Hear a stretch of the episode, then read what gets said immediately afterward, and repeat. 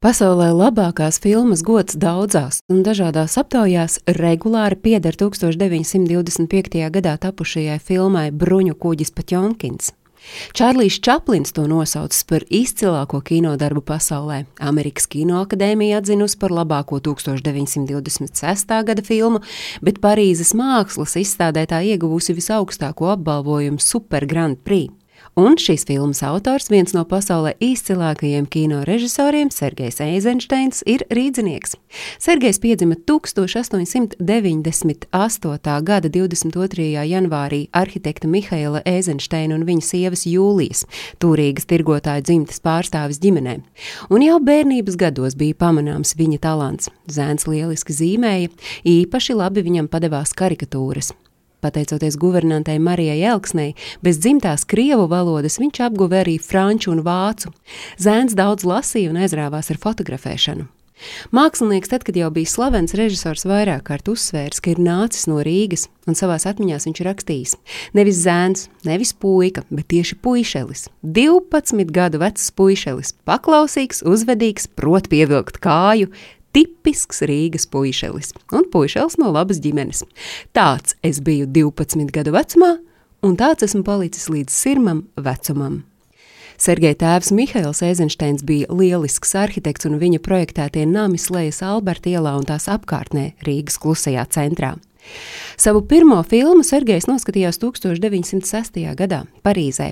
Tā bija Žorža Meliesa 400 sātana nedarbi, no kuras Sergejam atmiņā visspilgtāk iespiedies izģindušais ormaņa zirgs, bet krietni varenāku iespaidu uz topošo kino režisoru atstājusi 1915. gadā Rīgā redzētā filma Nožēlojamie pēc Viktora Igo romāna motīviem. Filma bijusi piecu stundu gara, un pēc tās noskatīšanās Sergejs Eizensteins vēstulē mātei rakstīs šādus vārdus: Ļoti patika, uzvedums ideāls, pārspēja visu gaidīto.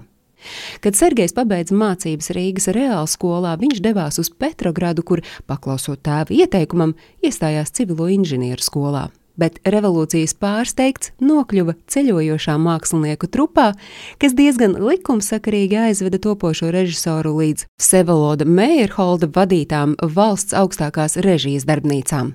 Eizensteins nodibināja teātri un iestudēja vairākas skatītāju augsti vērtētas izrādes, tomēr viņa īstais aicinājums bija kino. 1924. gadā pēc Goskino piedāvājuma Sergejs Eizensteins sāka darbu pie filmas mākslas filmas Streiks, kuras pamatā bija stāsts par lielas rūpnīcas strādnieku streiku. Kritiķu atsauksmes bija pretrunīgas. Viena slavēja darbu par novitātēm, citi pārmeta, ka tā filma ir pārāk sarežģīta.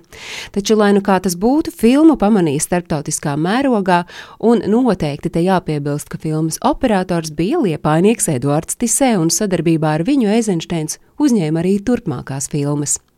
Eizensteina talantu pamanīja jaunās padomju valsts vadītāji, un viņam tika uzticēts veidot filmu par 1905. gadu. Kad bruņu kuģis Patjomkins iznāca uz ekrāniem, pasaules kinomāksla piedzīvoja pozitīvu šoku, un kā vēlāk norādīja kinokritiķi, Patjomkinā ir daudz māksliniecisku un tehnisku atklājumu. Eizensteins šai filmā ir uzskatāmi demonstrējis, kā ar montāžu var pātrināt, palēnināt vai pavisam apturēt laiku. Revolucionārās tematikas dēļ gan filma vairākās valstīs tika aizliegta. Liela skaislības ap filmu virmoja arī Latvijā. Sākumā to aizliedz izrādīt, bet pateicoties Jānim Rainim, kurš aktualizēja jautājumu par filmas izrādīšanu, pirmizrāde notika 1927. gada 3. oktobrī. Stāstīja Agnese Drunka.